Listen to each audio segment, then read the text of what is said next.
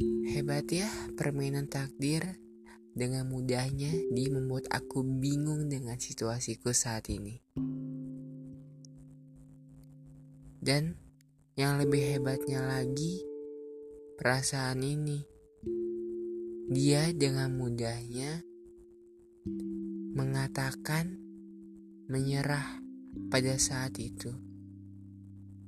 Serta dengan mudahnya dia meminta kita seperti dahulu lagi pada saat ini.